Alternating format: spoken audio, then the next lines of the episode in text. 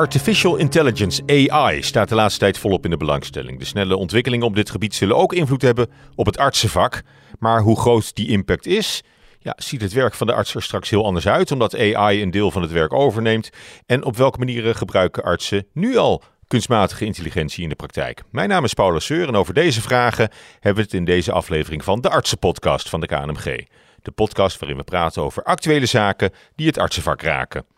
Dit keer praat ik met uh, Rudolf Veerman. Hij is internist, oncoloog en bioinformaticus, verbonden aan het UMC Groningen. Welkom, goed dat je er bent. Ja, dank. En Niels Meijers, hij is arts maatschappij en gezondheid. Ook welkom, eh, Niels. Dank je. Ja, um, Rudolf, ik begin even bij jou, want je, je bent informaticus tenslotte. En als we het over AI hebben, moeten we denk ik aan het begin van de uitzending maar even vaststellen uh, wat dat precies inhoudt, AI. Waar heb je het dan over? Ja, uh, kunstmatige intelligentie, wat is het inderdaad? Wat de meeste mensen zich niet realiseren is dat het eigenlijk al bestaat sinds de 50 jaren van de vorige eeuw. En eigenlijk in een strikte definitie is het alles wat intelligentie kan nabootsen op een computersysteem, dat noemen we AI. Dus een uh, simpele opzoektabel met definities is eigenlijk ook al AI. Maar wat de meeste mensen eigenlijk bedoelen met AI is machine learning. En dat is dat je algoritmes ontwikkelt die een bepaalde taak kunnen uitvoeren, bijvoorbeeld herkennen van objecten op foto's. En dat algoritme moet je trainen met data. En het idee is, des te meer data aan zo'n algoritme gevoed wordt, dat in principe dit algoritme zijn taak beter kan uitvoeren. Ja, en wanneer heeft dat een grote vlucht genomen, zeg maar, die definitie van, van AI of dat begrip van AI, wat, wat ook bij het grote publiek nu uh, een beetje... Nou, de echte grote vlucht uh, is gekomen op het moment dat uh, de game-industrie onze videokaarten heeft gebracht met enorme rekenkracht. Um, en dat ging ongeveer samen met dat we ook steeds meer de beschikking kregen over grote datasets. Nou, die combinatie heeft ervoor gezorgd dat AI echt ja, een grote vlucht heeft genomen. Oké, en, dat, en dat wordt dus ook interessant voor, eh, voor allerlei beroepsgroepen, maar zeker ook voor, uh, voor het artsenvak. Uh, merk jij dat er nog wel misverstanden over bestaan, ook bij collega-artsen, over wat je precies kan met AI of wat het precies inhoudt? Uh, jazeker. Uh, veel collega's denken dat AI een soort magische doos is waar je data in stopt en dat het altijd in staat is om zijn taak goed uit te voeren. Dat, dat is dan nog zeg maar heel positief. Ik denk dat er ook negatieve, dat er ook angst voor bestaat. Zeker, zeker. Er zijn ook collega's die denken dat eh, AI hun gaat vervangen. En dat hun baan op het spel staat. Om het maar even zwart-wit te zeggen. En? En dat is niet zo? Dat denk ik niet. Nee. Oké, dan lopen we vast vooruit op de conclusie van dit uh, gesprek, eh, denk ik. Maar uh, Rudolf, je, je, moet dus trainen, hè, AI, om het slimmer te maken. Dus er moet, er moet steeds informatie bij, bij komen. Hoe, hoe gaat dat in zijn werk, dat trainen? Moet je dat heel bewust doen of is dat iets wat het apparaat dus zelf uh, uit handen neemt? In principe neemt het algoritme het voor je uit handen. Um, uh, wat je doet, um, je definieert wat de taak is en je kijkt of, het, uh, of, de, of de, de taak goed kan uitvoeren. Nou, dan begin je zeg maar met de eerste ronde met het aanbieden van, uh, van data. En als we het hebben bijvoorbeeld over foto's en objecten herkennen, dan zal het algoritme in de eerste paar rondes natuurlijk uh, niet goed presteren. En dat niet presteren, dat moet je vangen in een soort formule. En aan de hand van die formule kun je zeggen, we gaan de goede kant op of we gaan de slechte kant op. En als je de goede kant op gaat, ja, dan, dan blijf je die kant ook opgaan met het algoritme om te kijken, kun je steeds beter en beter en beter worden. En op een gegeven ogenblik uh, besluiten wij als uh, zeg maar ontwikkelaars van een algoritme of het goed genoeg is om zijn taak uit te voeren. Ja, en dat is bijvoorbeeld het kijken naar, uh, uh, naar hoe heet het, imaging, röntgenfoto's of, of scans, om die een beetje, een beetje ja, in kaart te brengen. Bijvoorbeeld om iets te kunnen herkennen als kwaadaardig van, een, van een bepaalde lezing in de longen bijvoorbeeld. Oké, okay, dat, is, uh, dat, dat is duidelijk. Nou, uh, het grote publiek denkt bij AI uh, vooral aan ChatGPT hè, tegenwoordig. Dat is, ja. dat is ook ja, een enorme hype. Dat is de hype, inderdaad. Geworden. Um, is dat ook voor, voor de medische sector interessant? Op dit moment zeker niet. niet? nee, nee, heel veel mensen die denken dat het een kwalitatief goede kennissysteem is. Maar wat het in feite is, is een, is een AI-algoritme dat in staat is uh, tekst, hè, gesproken of uh, geschreven tekst te interpreteren en een antwoord te geven wat lijkt op echte taal. Uh, het verwarrende is, dit, dit netwerk of dit algoritme wordt getraind op allerlei hè, data wat beschikbaar is in het publieke domein. Dus het, het lijkt of er echt kennis in zit. Er zit ook wel kennis in. Maar je kunt niet zeker van zijn wat ChatGTP aan jou geeft, dat het ook echt berust is op de waarheid. Of, of wat de kwaliteit van die, van die bronnen is waar het. Uh, je, weet, je weet niet eens wat de bron is. Laat staan wat de kwaliteit is. En als je niet uh, een expert bent op het vakgebied, dan is het soms heel moeilijk te herkennen of ChatGTP nou onzin verkondigt of de waarheid of alles ertussenin. Dus het is wat mij betreft levensgevaarlijk om het nu al te gebruiken in de gezondheidszorg. Oké, eh, Niels, uh, heb je ook die ervaringen met uh, ChatGPT of niet? Ja, maar dan als eigenlijk hooguit als experiment vanuit mijn persoonlijke interesse om te kijken wat krijg ik nou terug als ik het gebruik. Ja, want jij, jij bent arts maatschappij en gezondheid. Ja, en dat betekent dat. dus eigenlijk meer, meer sociaal beleidsmatig. Ja, de, de artsmaatschappij gezondheid begeeft zich met name in het uh, veld van de publieke gezondheidszorg. Ja. Dat is natuurlijk de afgelopen jaren met corona wel een heel belangrijk veld geweest. Ja. En, maar dan is ook juist de, de toegang tot, tot data en het verwerken van data is, is reuze interessant. Want het, het gaat altijd over, over, de hele bevolking. Zo is het. Zo is het hè. We richten ons op de hele bevolking. En soms ook op uh, bijzondere groepen uh, binnen die bevolking. Um, en kijken dan met name naar elementen van gezondheidsbescherming, gezondheidsbevordering en ook preventie. Hè. En ja, daar kunnen dit soort instrumenten naar de toekomst toe, of AI kan daar in mijn ogen een belangrijke rol in gaan spelen. Zoals u dat al zegt, dan hebben we nog wel wat waarborg met elkaar te gaan regelen, hè, voor we daar zijn. En um, maar meteen maar even eentje in te gooien. Ik denk dat ChatGPT als zodanig daar niet voor geschikt voor gaat zijn. We zouden op zijn minst een met GPT moeten gaan uh, creëren. Mm -hmm. specifiek voor medische data of de medische sector. Uh, om de waarborgen te vinden. Die is er al een medische variant van ChatGPT uh, beschikbaar of in de maak? Niet specifiek ChatGTP, maar er zijn systemen die daarop uh, op lijken, die wel specifiek op medisch taalgebruik, dus ook medische brieven beter kunnen interpreteren en ook hmm. betere medische teksten kunnen genereren. Oké, okay, dus dat, dat zit er wel aan te komen. Maar verder, verder delen jullie eigenlijk de zorgen over ChatGPT. En, en, en wat is de belangrijkste tekortkoming voor, voor de medische sector? Nou, ik denk heel duidelijk wat Rudolf gezegd heeft. Hè. Je weet niet waar, uit welke bronnen ChatGPT de informatie haalt. Je kent de betrouwbaarheid van die bronnen en die data niet. En je weet ook niet hoe het algoritme precies in elkaar zit. Dus als men op basis daarvan een advies geeft of een voorspelling doet, dan kun je daar eigenlijk op dit moment uh, nog geen waarde aan toekennen. Niet zonder een professionele check daarop, moet ik het misschien zo zeggen. Dus... Ja, maar je, je kunt misschien ook zeggen, hè, het stond in de NRC laatste stuk over, dat ChatGPT eigenlijk beter antwoord geeft op medische vragen van, van patiënten, hè, die ze online stellen aan ChatGPT of aan een, aan een medicus die daar online uh, antwoord op geeft. En, en dan blijkt dat, uh, dat 80% van, van de beoordelaars van, van, die, van dit experiment, dat die zeiden van eigenlijk komt ChatGPT met, met het betere antwoord dan de, dan de medicus van vlees en bloed. Ja, maar ik denk dat het gaat om die 20% waar het ja. niet correct is. Ja. En hoe ernstig zijn de adviezen of de antwoorden die gegeven worden voor ChatGPT voor de patiënt? Als het daar fout zit. Ik kan bijvoorbeeld een voorbeeld geven. We hebben laatst ook even geprobeerd van, om, om een soort ondersteuning te krijgen voor een, voor een onderzoeksvraag of, er, uh, of, uh, of ChatGDP ons de literatuur aan kon leveren. Het kwam met drie prachtige literatuurreferenties, met name met titel. Uh, volgens ChatGDP was gepubliceerd in Nature. Ja, het bestond niet. Ja. ja. Dus als je zelf niet in staat bent om dat te kunnen controleren. Hmm. Ja, hoe weet je dan als gebruiker, zeker als, als, als de gewone bevolking of een patiënt een vraag gaat stellen aan JetGTP, dat het antwoord dat terugkomt ook ergens op gebaseerd is. Ja. Ja, uh, maar je, je kunt ook zeggen uh, van, van, van who cares als het goed, als het goed antwoord uh, oplevert. Wat maakt het dan uit dat het, dat het ook in, in Nature of in Science uh, gepubliceerd is geweest, of waar dan ook? Of als, als het die hele grote bulk aan, uh, aan, aan, aan data is waar het op gebaseerd is, dan kun je ook zeggen van ja, kennelijk levert het wel uh, goede, goede antwoorden op. Het levert zeker goede antwoorden maar ook op. een paar verkeerde. Maar ook zeker foute antwoorden. En de ernst van die foute antwoorden, dat is soms niet te overzien. Oké, okay. maar goed, bij, bij, bij, bij de dokters was het maar uh, 22% wat zeg maar zeer goed tot goed werd beoordeeld, die antwoorden. Ja, en dat is leuk. Wat, wat, dat is ook een punt. Bij, bij, bij, bij, bij echte artsen is het ook niet foutloos.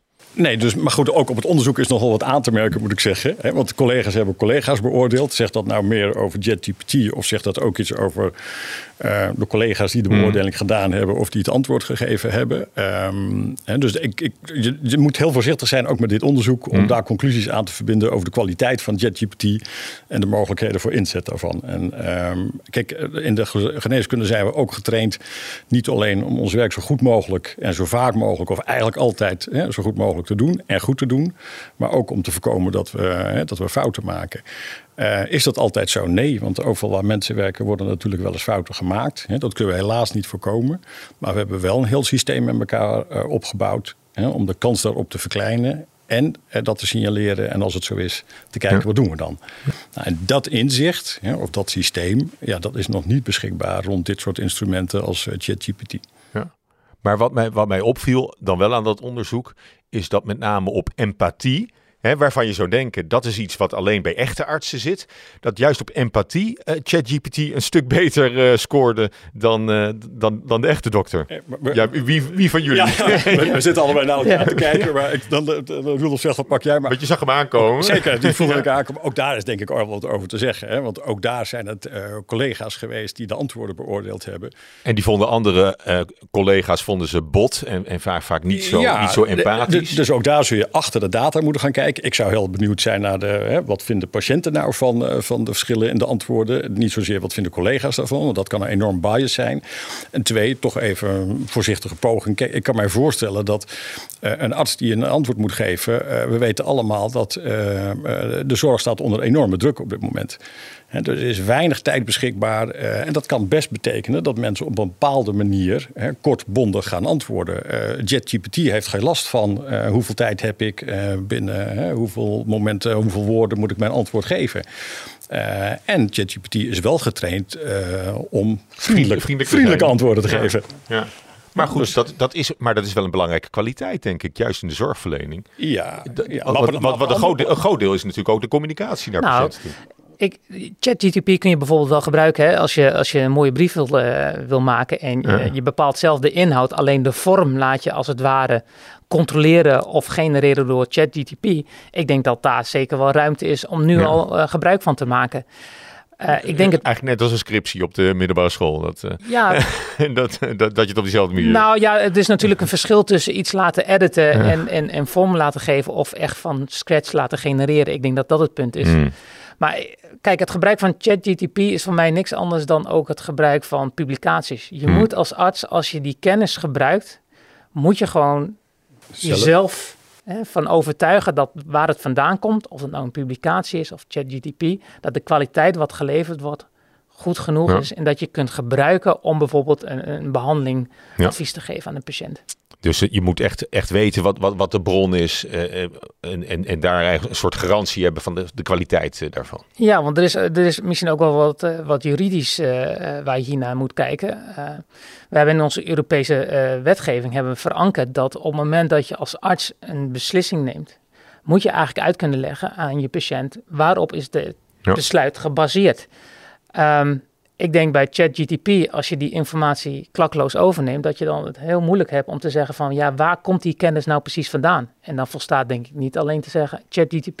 Nou, maar we hadden al eerder natuurlijk met de opkomst van, van Google en Wikipedia dat heel veel mensen eh, gewoon doe-het-zelf dokter eh, werden. Ja. Dat, uh, dat, dat zal met ChatGPT ook wel in de hand worden, worden gewerkt. Dus in die zin uh, wordt er misschien wel wat, wat werk weggenomen nou, bij, bij, bij artsen. Ja, zeker. Ik denk ook dat dat kan. Ik denk dat we onderscheid even moeten maken. Hè? Nu SEC, uh, ChatGPT en de mogelijkheden van hmm. AI. Uh, waar kunnen we dat inzetten ja, in de zorg? Ja. Hè? En dan, en dan zijn er wel degelijk mogelijkheden. En ja. ik denk met name wat je zelf al benoemt in de ondersteuning van hè, de professional, uh, ondersteuning op andere plaatsen in de organisatie. En dat kan een heel aantal voordelen hebben, want dat kan zowel tot meer efficiëntie als ook tot betere kwaliteit hè, leiden. Die overtuiging die heb ik wel. Maar vooralsnog in die ondersteunende functie. En dat is echt iets anders hm. hè, dan een eigenstandige verantwoordelijkheid, bij wijze van spreken. Dus eigenlijk, eigenlijk is het meer een office-assistent dan een, een, een medische uh, hulpkracht. Ja, het is een fraaie, op dit moment een fraaie office-assistent. Uh, maar die wel degelijk, wel degelijk tot tot een bijdrage in de zorg kan, kan leiden. Maar ik zie de toekomst ook wel van ChatGTP. Ik ook, ja. precies. Als we er zeker van zijn dat de kennis waar ChatGTP gebruik van maakt, dat dat van ja, hoge kwaliteit is.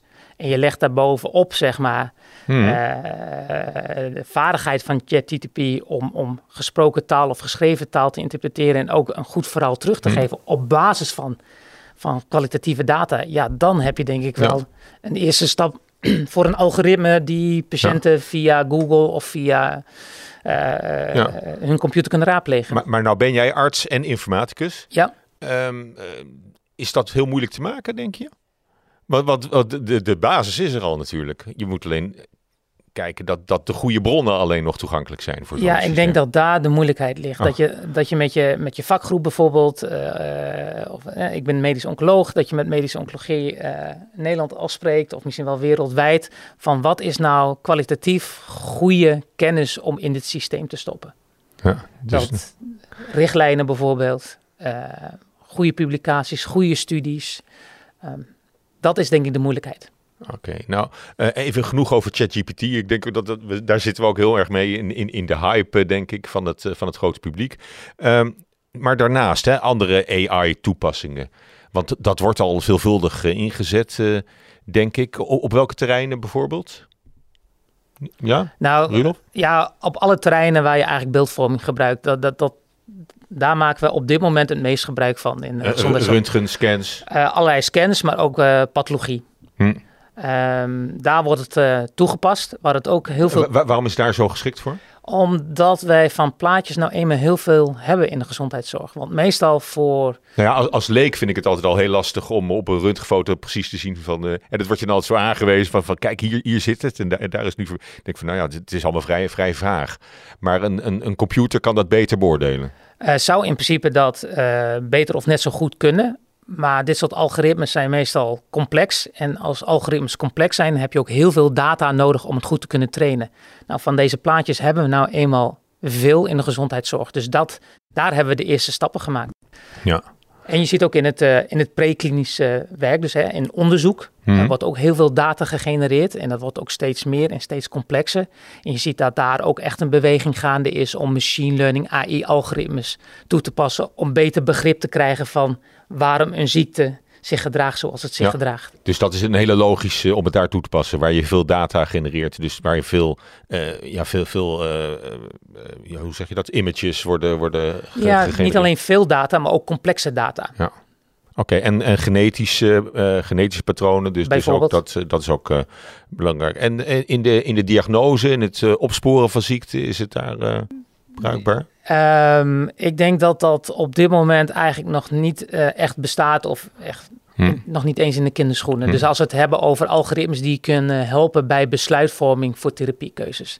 Dat, is, dat is praktisch nog niet eh, van toepassing. En, eh, en Niels, bij bevolkingsonderzoeken kan ik me voorstellen dat, want dan heb je het ook over data, heb je het ook over de massa en, en kijken hoe, eh, hoe een ziekte zich, eh, zich ontwikkelt. Ja, nee, zeker. Eh, daar, ik denk dat daar een grote toekomst ligt voor dit soort eh, technologieën ook. hè. We hebben, we hebben daar ondertussen al eh, grote databases. Eh, de, kunst zal zijn om eh, de data die daarin zitten op een goede manier te ontsluiten en te kunnen gaan gebruiken en bovendien te gaan verbinden aan andere eh, de databases in andere domeinen. Als je nu kijkt, we zijn eigenlijk eh, zitten we een beetje aan de overgang in het denken over gezondheid en ziekte.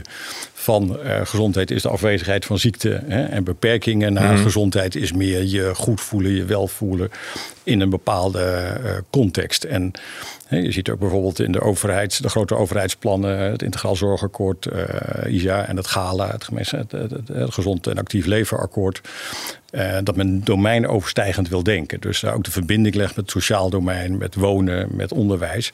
Ja, ook daar zijn veel gegevens beschikbaar. En kun je nou straks die data aan elkaar koppelen en daarin bijvoorbeeld patronen herkennen. eh, eh, hè, de- die van in, in, invloed in achterstandswijken, lifestyle, hoe, hoe, hoe ja, daar... eh, ja, en dat kan alle kanten op. Hè. Dus je kunt gaan kijken van wat zijn nou patronen die leiden tot meer gezondheid. Maar je kunt ook kijken wat zijn nou patronen of factoren die leiden juist tot Hmm. hè, meer problemen bijvoorbeeld. Heb, heb je voorbeelden al van inzichten die met behulp van artificial intelligence zijn opgedaan? Nou, dat, dat staat eigenlijk nog redelijk in de kinderschoenen. Hè, dus men is daar nu mee bezig. Ook daar zie je dat vanuit onderzoek hè, nu een aantal uh, zaken op gang beginnen te komen. Uh, om tot dit soort inzichten naar boven te halen. En er zijn wel inzichten vanuit het verleden, maar die zijn eigenlijk meer op de klassieke analyse manier hè, naar boven gekomen dan SEC met, uh, met artificial intelligence. Ja, en, en, en wat voor, noemen ze een heel concreet onderzoek? Nou, kijk, ik denk dat je wat je zelf zegt over de achterstandswijken. Hè, van uh, wat ligt daar voor problematiek op sociaal gebied, maar ook in leefstijl.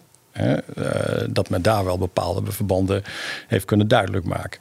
Ja, dus, maar ook dat je het, het collectieve individueel maakt. Uh, is, is dat ook een, een ja, en dat blijft. Of is dat niet jouw afdeling? Moet nee, ja, nee, zeker. Dat is zeker. Nou, sterker nog, dat is, ja, ik beschouw het zeker als mijn afdeling. En, en zelfs uh, iets waar we, hè, waarvan ik vind hm. dat we naartoe zouden moeten vanuit uh, de publieke gezondheidszorg. Hè, uh, want over het algemeen hebben we ons daar juist op die collectiviteiten gericht.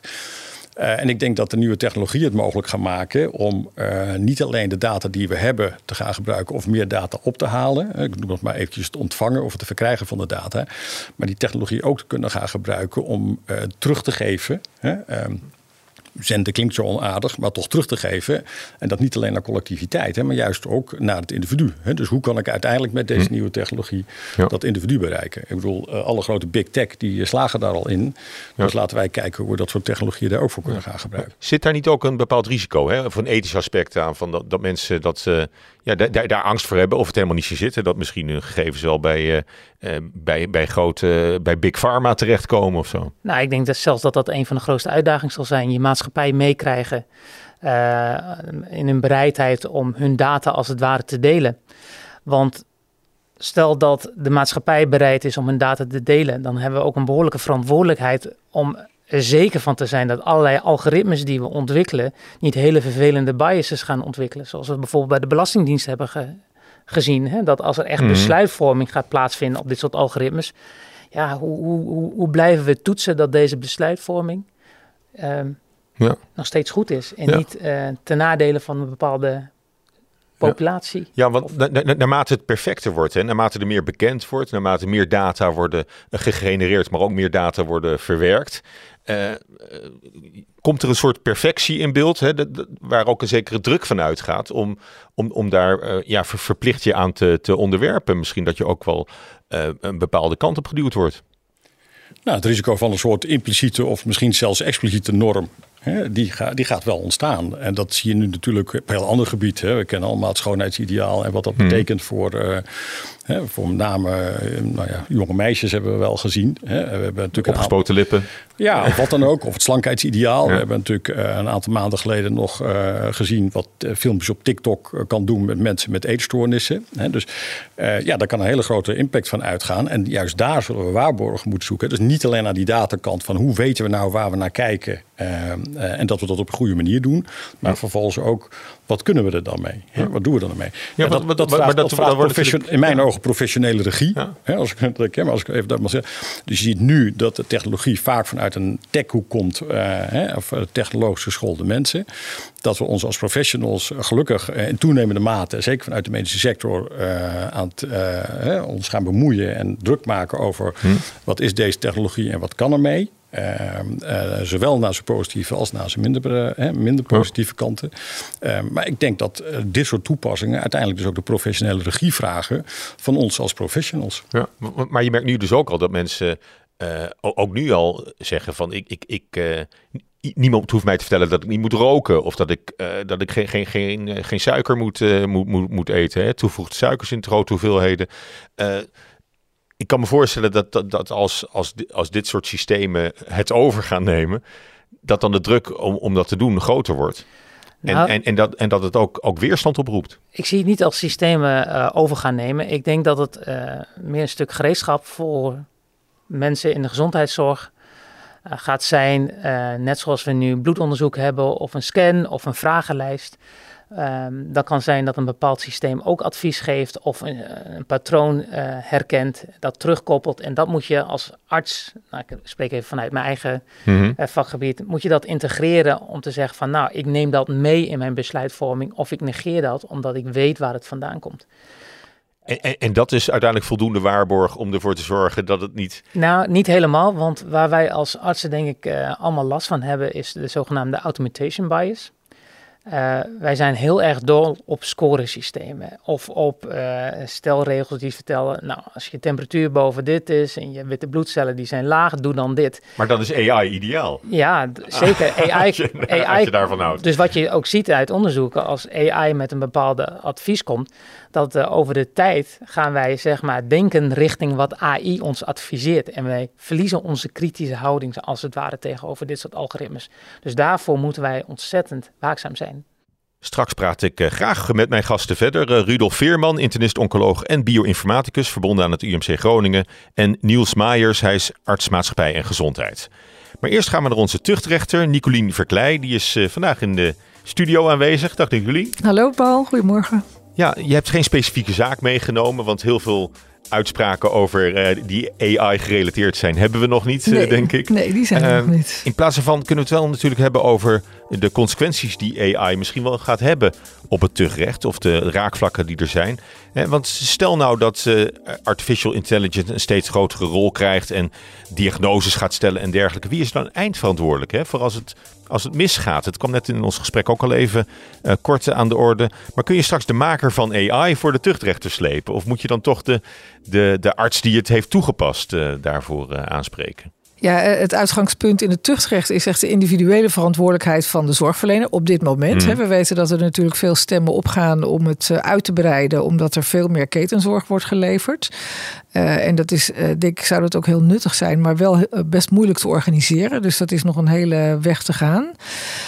Maar ik denk, als ik mag aansluiten bij wat Rudolf net zei, dat het uh, ja, als je uitgaat van die individuele verantwoordelijkheid, dan blijft toch uh, de arts degene hè, die gebruik maakt van die mogelijkheden. En die, ik, ik ben nog heel erg geïnteresseerd in die Europese uh, regelgeving waar je net over sprak, want die ken ik eigenlijk niet. Maar bij ons geldt wel dat steeds ja, iemand natuurlijk zelf verantwoordelijk wordt gesteld voor de keuzes die hij maakt hè, op grond van de geneeskundige behandelingsovereenkomst met deze individuele patiënt. Dus wat je ook gebruikt hè, aan, aan, aan input voor je eigen onderzoek, uh, voor je behandeling. Daarvoor zul je uiteindelijk toch zelf uh, de keuze moeten maken of je daar gebruik van maakt, of dat verantwoord is, of daar uh, voldoende wetenschappelijke basis onder ligt, of het in overeenstemming is met de richtlijnen van de beroepsgroep. Hè, dus het gaat denk ik toch steeds om ja, de, dat de eindverantwoordelijkheid bij de arts ligt. En mm. ja, degene die de uh, artificial intelligence ontwerpen zijn natuurlijk in het algemeen geen big geregistreerde zorgverleners, denk ik. Hoewel die natuurlijk zeker ook betrokken zijn. Uh, maar dat lijkt me wel erg ingewikkeld dat wij dat ook als, uh, mm-hmm. als tuchtcollege zouden moeten gaan beoordelen. Ja. En dat is dan de, de beklaagde. Je hebt ook de klager natuurlijk, hè? patiënten die op een bepaalde manier zich misdeeld voelen of slecht behandeld. Ja, zeker.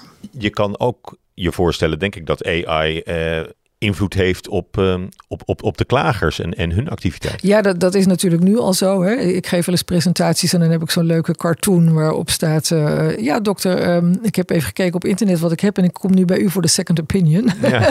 Ja. dat heb je natuurlijk. Dus... Um, en uh, ik moest net ook wel even denken, want eigenlijk gaat dat ChatGTP is nu nog niet betrouwbaar, omdat er natuurlijk heel veel misinformatie ook is, hè, valse informatie. En, maar dat zal de patiënt worst wezen. Uh, ja, dat zal de patiënt worst wezen. Dus het is uh, voor de, de zorgverlener best een ingewikkelde kwestie om dan duidelijk te maken ja, waarom dingen daar dan toch niet helemaal kloppen. Dat is trouwens al lang aan de gang. Hè. Heel veel jonge vrouwen die allerlei kruidenvrouwtjes, uh, zo noem ik het maar even, op internet geloven met, met de grootst mogelijke onzin. En dat is echt wel een probleem, denk ik, voor zorgverleners. Overigens voor die mensen zelf ook, want dan gaan ze soms niet naar een dokter als het wel nuttig zou zijn. Uh, dus dat zal er niet minder op worden, denk ik, die problematiek. Nee, zie je in het algemeen nog uh, grote consequenties voor het tuchtrecht als dit soort systemen hun, uh, ja, verder hun intrede doen? Nou, um, ik kan me wel voorstellen, uh, uh, toevallig las ik laatst, ik, ik, heb het nog niet helemaal gelezen, maar dat ook uh, in de rechtspraak best goed gebruik zou kunnen worden gemaakt van eh, artificial intelligence, omdat er natuurlijk heel veel uitspraken gewoon gepubliceerd zijn. Het kan ook heel veel druk wegnemen misschien ja, bij, bij en, zorgverleners en, en, en, een deel van het corvée ja, misschien overnemen. Ja, in heel veel grote eh, kwesties of rampen blijkt eigenlijk bijna altijd dat er een menselijke fout is gemaakt en dat de techniek eigenlijk veel betrouwbaarder is dan wij als mensen, hè, als individu. dus ik denk eerlijk gezegd... Dus bij de zelfrijdende uh, auto, dat je een beetje... Nou, dat die minder ja. aanrijdingen veroorzaakt. Nou, bijvoorbeeld, maar er, er zijn natuurlijk heel veel bij treinwissels... of weet ik veel wat, heel vaak zit er een menselijke fout achter. En ik kan me dus best voorstellen dat uh, AI echt gaat bijdragen... aan uh, ja, verbetering van de informatievoorziening. Er, zijn natuurlijk, er is zoveel informatie beschikbaar... dat als je zorgt dat die bronnen betrouwbaar zijn...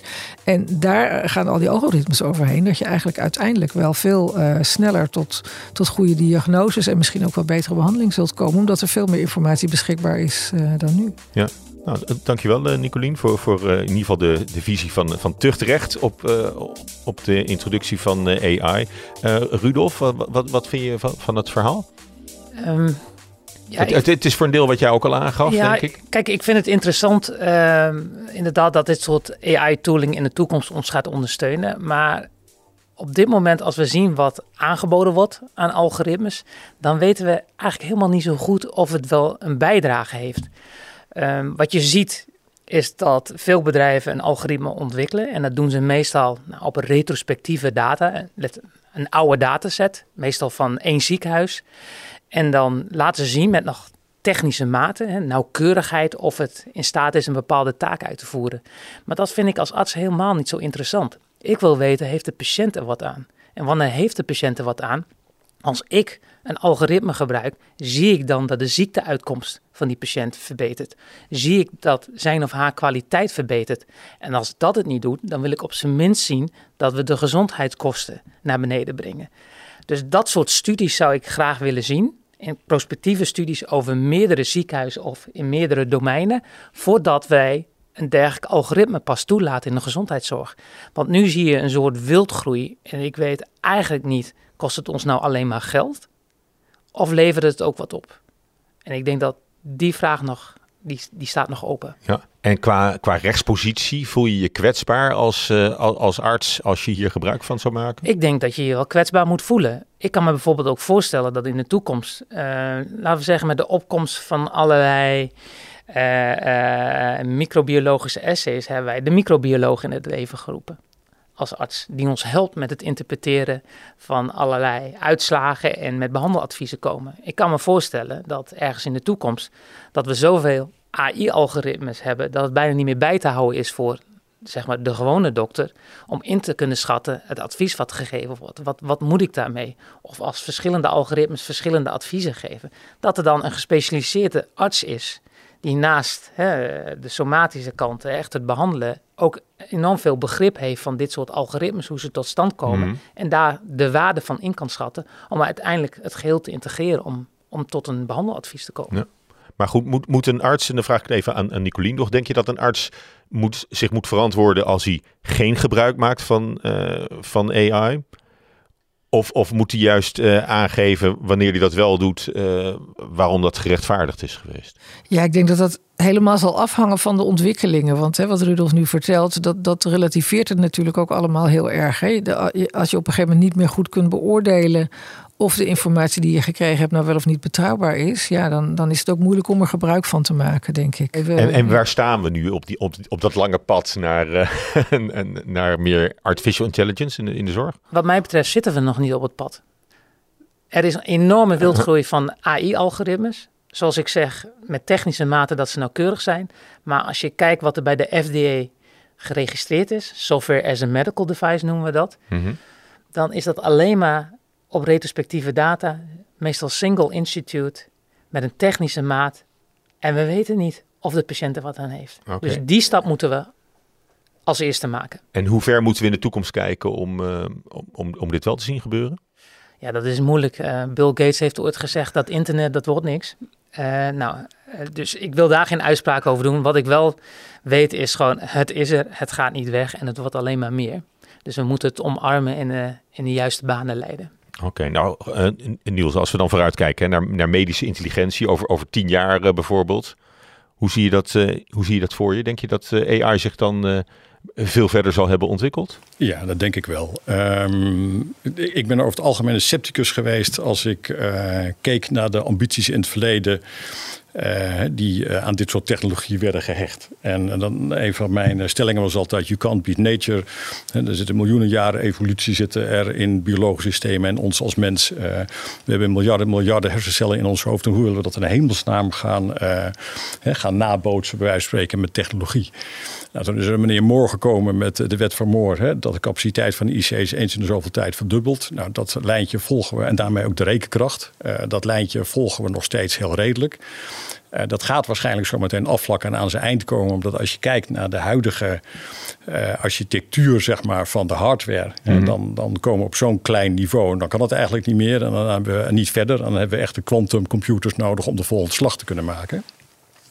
Aan de andere kant zie je dat die technologie op dit moment wel mogelijk maakt dat we gewoon real-time enorme hoeveelheden data van enorme hoeveelheden plaatsen uh, weten te genereren, kunnen gaan interpreteren, kunnen gaan beheren, et cetera. Dus ik ben daar in die zin uh, in mijn, uh, iets minder sceptisch over geworden. Even los van wat ik ervan van vind. maar dat we wel eens hele grote stappen zouden kunnen maken. En ik verwacht wel dat we. Ik laat, zo, laat ik het anders zeggen. Ik zou niet verbaasd zijn als we over tien jaar toch echt een heel eind verder zijn dan we op dit moment zijn.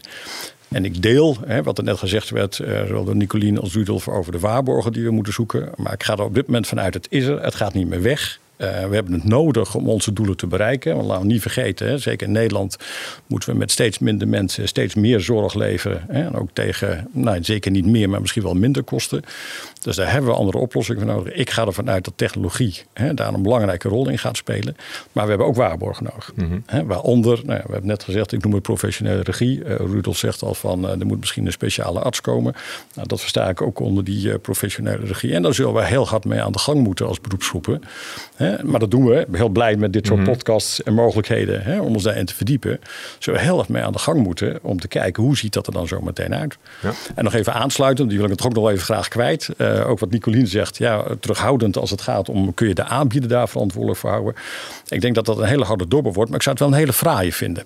Omdat die hmm. individuele dokter gaat echt een andere plaats in dat zorgsysteem krijgen, in mijn overtuiging. Um, even een andere parallel. Um, ik, ik, heb er ook ooit wat in de luchtvaart gedaan. Dat was een andere jeugdliefde van me. Dan heb je soortgelijke ontwikkeling gezien. Dat technologie heeft een heel stuk van dat werk van die professional, die vlieger overgenomen. En dat is eigenlijk meer een soort systeembeheerder geworden op dit moment. Dan dat het nog sec een, uh, een, vlieger is. En dat zal bij de arts misschien niet helemaal zo ver gaan. Uh, maar we zullen daar wel echt een differentiatie gaan zien. Tussen mensen die meer op de medische inhoud zitten. En gegevens en informatie moeten integreren. En mensen die meer uh, waarborgen kunnen bieden in de systemen die we gebruiken. Dus welke algoritmes, hoe goed zijn die, nou, et cetera, et cetera. Daar moeten we heel hard over in gesprek met elkaar. Daar moeten we ook, dat doen we dus nu, maar daar moeten we ook heel hard doorzetten om te zorgen dat we die technologische ontwikkeling bij gaan houden. Want die gaat wel echt heel snel. Ja. En, en de, de, de, emotie, hè? we hebben het er ook al van over gehad, over, over empathie. Of uh, AI empathisch kan, kan zijn of zich, zich ontwikkelt. Ja. Het is natuurlijk een afgeleide vorm van, van empathie. Het is, het is niet echt menselijk uh, contact nee. natuurlijk, maar het... Uh, je hebt, je hebt ook de, de zorgrobot, uh, helpt voilà. bijvoorbeeld ook al. Hè? Nou ja. dus, dus, het zijn niet alleen meer handen aan het bed, het is ook meer bits en bytes uh, aan het bed, denk ik. Ja, en daar kun je naar kijken. Hè. Het heeft mij, uh, mij echt uh, verrast, moet ik zeggen. Uh, zonder nou op gezinssituatie in te gaan. Mijn oudste zoon heeft AI gestudeerd en mijn dochter heeft een onderzoek gedaan naar die zorgrobots. Ik vond het zeer verrassend om naar de uitkomsten van te zien wat die kunnen betekenen. in geval van kinderen of in geval van ouderen en eenzamen. Terwijl ik dat echt als een stuk harde techniek zag. ja, wat, hoe kun je daar nou emotie bij voelen of bij krijgen. Maar de, de resultaten vond ik zeer verbluffend. Hè? Dus ook dat heeft mij weer eens even gewezen op mijn eigen, misschien wel voor ingenomenheid hè? Of, of positie. Dat we dat soort technologie niet te snel moeten afschrijven. En dus ook niet verbaasd moeten zijn dat daar in goede en in midden goede zin uh, toch wel bepaalde effecten achterweg gaan komen. Hm. En, en, kunnen jullie je voorstellen dat uh, patiënten misschien uh, AI makkelijker omarmen dan, dan de beroepsgroep? En, en dat er van, van die kant gewoon uh, heel anders gekeken gaat worden naar, naar de zorgverlener. Ja, ik kan me het wel voorstellen. Dan uh, moeten we even van gezichtspunten draaien misschien. nou, um, um, ik, ik, ik kan me bijvoorbeeld voorstellen dat een patiënt uh, zich niet vrij genoeg voelt om zijn of haar verhaal te doen tegenover een arts die tegenover je zit. Dus dat het dan makkelijker is om als het om, ware... Om er thuis even in te tikken. En, uh... je symptomen als het ware te vertellen aan een systeem ja, dat, dat, dat kan me voorstellen dat er situaties zijn waar dat gaat gelden. Ja. Ja. Je ziet het op bepaalde plaatsen ook al met andere chatbots bijvoorbeeld. Hè? Dat mensen eh, bijvoorbeeld in eenzame situaties eh, daar gebruik van maken en daar toch ja, hele positieve eh, ervaringen op teruggeven. En ook daar hebben we de waarborgen nodig, want er gebeurt natuurlijk van alles hè, wat, aan ontwikkelingen die we niet willen. Maar er zitten ook heel veel positieve effecten aan. Ja, dat, dat is ook een hamvraag natuurlijk. Hè. Is de patiënt beter af met met AI? Ik vind dat moeten we aantonen in prospectieve studies. Voordat we het überhaupt toelaten in de gezondheidszorg. Ik denk dat dat de grote shifting is die we moeten maken. Hm. Waarbij denk ik wel belangrijk is dan hè, dat we ook helder hebben uh, van wat moet er dan aangetoond worden. En dus wat is dan ook, uh, wat betekent dat dan precies? We hebben er iets aan. Uh, want ik denk dat het, nou ja, wat jij, de nuance die je aangeeft van hoe ervaart de patiënt dat en hoe zien we dat als professionals vanuit het zorgsysteem, daar zou nog wel eens verschil in kunnen zitten. En ik, ja, uiteindelijk is het voor mij toch altijd de patiënt of de burger hè, die voor zichzelf bepaalt ehm, waar hij zij baat bij heeft en wat goed is. En zijn wij er als professionals voor om uh, die patiëntburger daarin te, te, raden, om het zo maar eens te zeggen, naar onze uh, beste eer en geweten en beste kunnen. En daar zal deze technologie een rol bij kunnen spelen. Nou goed, en als niet de patiënt individueel, maar dus als samenleving kunnen we er natuurlijk ook baat bij hebben. Al is het maar misschien de, de, de kostenbesparingen die het zou kunnen opleveren. Of kost het alleen maar geld in het begin? Nou, dat zal aangetoond moeten worden. Ja, ja als, als de patiënt er zelf niet direct iets aan heeft, dan moet het wel indirect door uh, ja, gezondheidskosten te verlagen, zodat je het geld weer uit kan geven aan, uh, aan andere problematiek in je maatschappij. Ja. Eh, zijn er al voorbeelden van? Dat, dat de kosten worden, worden teruggedrongen door, door het gebruik van systemen? Wat je meestal ziet al, met het idee als techniek of technologie ingevoerd wordt om ons iets uit handen te nemen. Dat je ziet dat het probleem niet minder complex wordt, maar dat het de mogelijkheid geeft om nog dieper ergens op in te gaan. Dus het komt niet in plaats van, het komt er nog, nog eens bij. Ja, het, het, neemt een taak van ons over, maar dat zorgt ervoor dat we twee andere taken bij kunnen nemen. en dat is wat je meestal ziet gebeuren. Dus in die zin uh, ja, wordt wel de efficiëntie verbeterd? Of de... Zeker, de efficiëntie wordt verbeterd. Maar daardoor zie je dat, dat nou, vanuit de arts, dat je bijvoorbeeld, waar je in het begin uh, misschien naar een enkele mutatie uh, keek, uh, ga je echt naar het hele genoom. Ehm, nou, dat was moeilijk interpreteren natuurlijk als je dat één voor één mhm. bij wijze bij langs moet gaan. Dus dan heb je een AI-algoritme die dat voor je doet.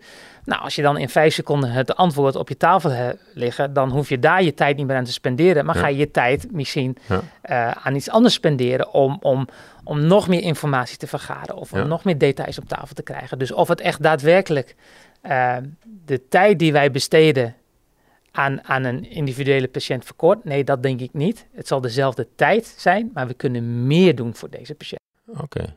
En, en voor en bevolkingsbreed? Ja, nou, dat, Kijk ik Niels even aan. Wat, uh, hoe, um, kun je je voorstellen dat ook in die zin gewoon de, de, de, de kosten omlaag kunnen? Of dat bevolkingsonderzoeken uh, meer effect zullen hebben? Of beter gebruikt zullen kunnen worden?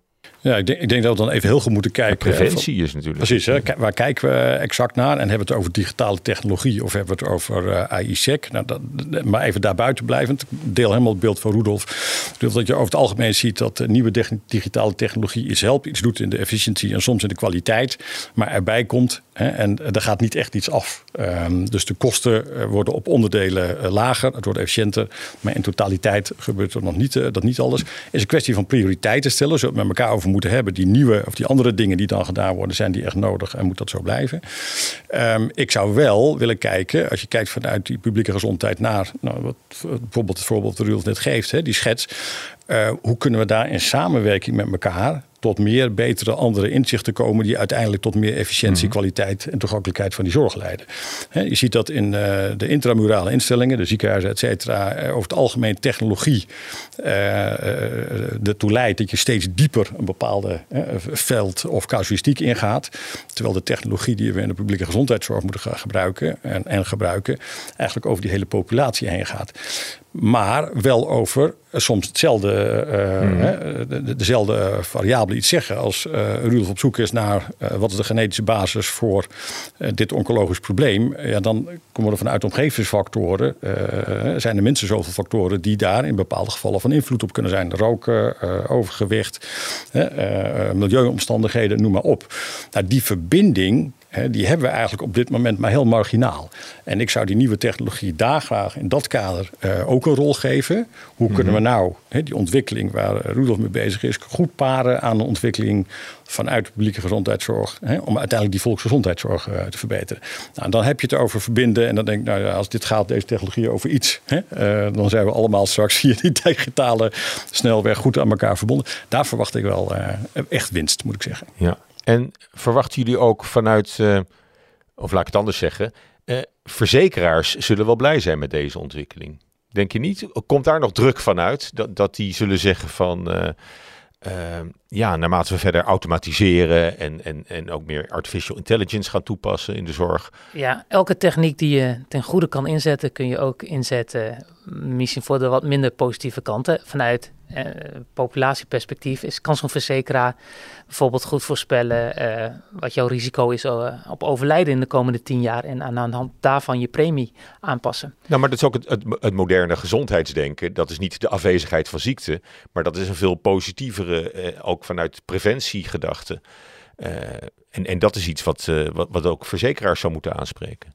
Want dat is uiteindelijk goedkoper dan als je heel veel behandelingen, denk ik, uh, ja, maar de, interessant is dan altijd welke insteek kies je daarbij. Hè? Ik zeg verzekeren.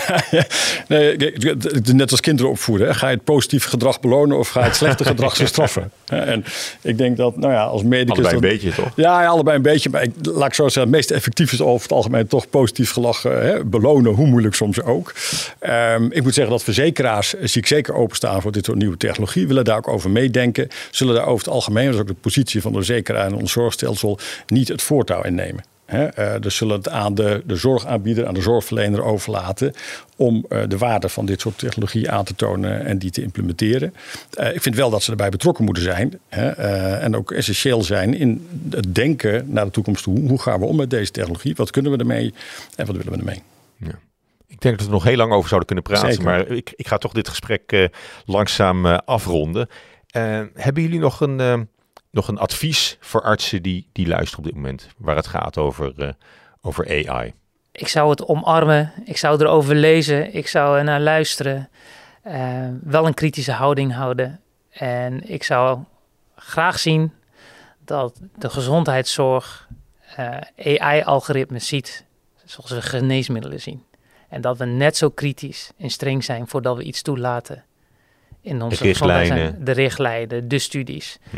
Um, we staan aan het begin, dus volgens mij is dit het moment om uh, dat in juiste banen te leiden en te voorkomen dat er een wildgroei gaat ontstaan. Ja. Van allerlei niet bewezen technologieën en algoritmes. Ja. Niels, jij zegt ook omarm het. Ik, ik sluit me daar helemaal bij aan. Hè. En sterker nog, ik vind uh, het is een kans, maar we hebben ook wel verantwoordelijkheid als professionals. Hè, om ons rekenschap te geven van deze ontwikkeling en hoe we daarmee om moeten gaan. Helemaal zoals Rudolf dat ook zegt. En ik denk dat een, uh, een extra oproep zou ik willen doen, ook naar opleiders. Hè, dat we niet alleen op het moment dat je in de praktijk bezig bent, je hier nog in moet verdiepen. Maar dat we dit ook als integraal onderdeel meenemen in de artsenopleiding. Om mensen uh, nou, daar tijdig mee in aanraking te brengen en ook tijdig over te laten nadenken. Ja, en zeggen jullie omarm het omdat het toch niet meer weggaat en je, je zult ermee moeten leven? Of zeggen jullie omarm het omdat het echt een, positief, uh, uh, een positieve ontwikkeling is? Ja, ik, nou ja, kijk, nee, ja, ik denk beide. Uh, we hebben natuurlijk in de, in, de, in de geneeskunde heel vaak nieuwe technologische ontwikkelingen en stappen gezien. we hebben heel veel technologie uh, omarmd, hè, maar we hebben ook wel technologie afgewezen.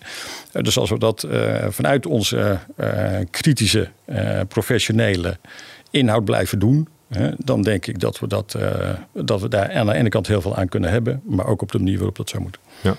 Dus dan, maar dat is eigenlijk ook voor de, voor de beroepsgroep als geheel. En wat jij zegt, uh, Rudolf, is eigenlijk, geldt eigenlijk ook voor de, voor de individuele arts. Hoe die dat uh, in de praktijk, ook in, in, in zijn training, in zijn uh, permanente educatie, hoe die dat gewoon echt een hele belangrijke plaats moet, moet gaan geven. Jazeker. Ja. Nou, dank jullie wel. Het is een eh, boeiend gesprek eh, geworden. Uh, Rudolf Veerman, internist, oncoloog en bioinformaticus, verbonden aan het USC Groningen. En Niels Meijers, arts, maatschappij en gezondheid. Hartelijk dank voor jullie komst naar de studio en dit, dit boeiende verhaal. dit was de artsenpodcast van de KNMG. Mijn naam is Paula Seur. Dank voor het luisteren. En je hoeft geen aflevering te missen. Dan hoef je alleen maar te abonneren op deze podcast. Graag tot de volgende aflevering.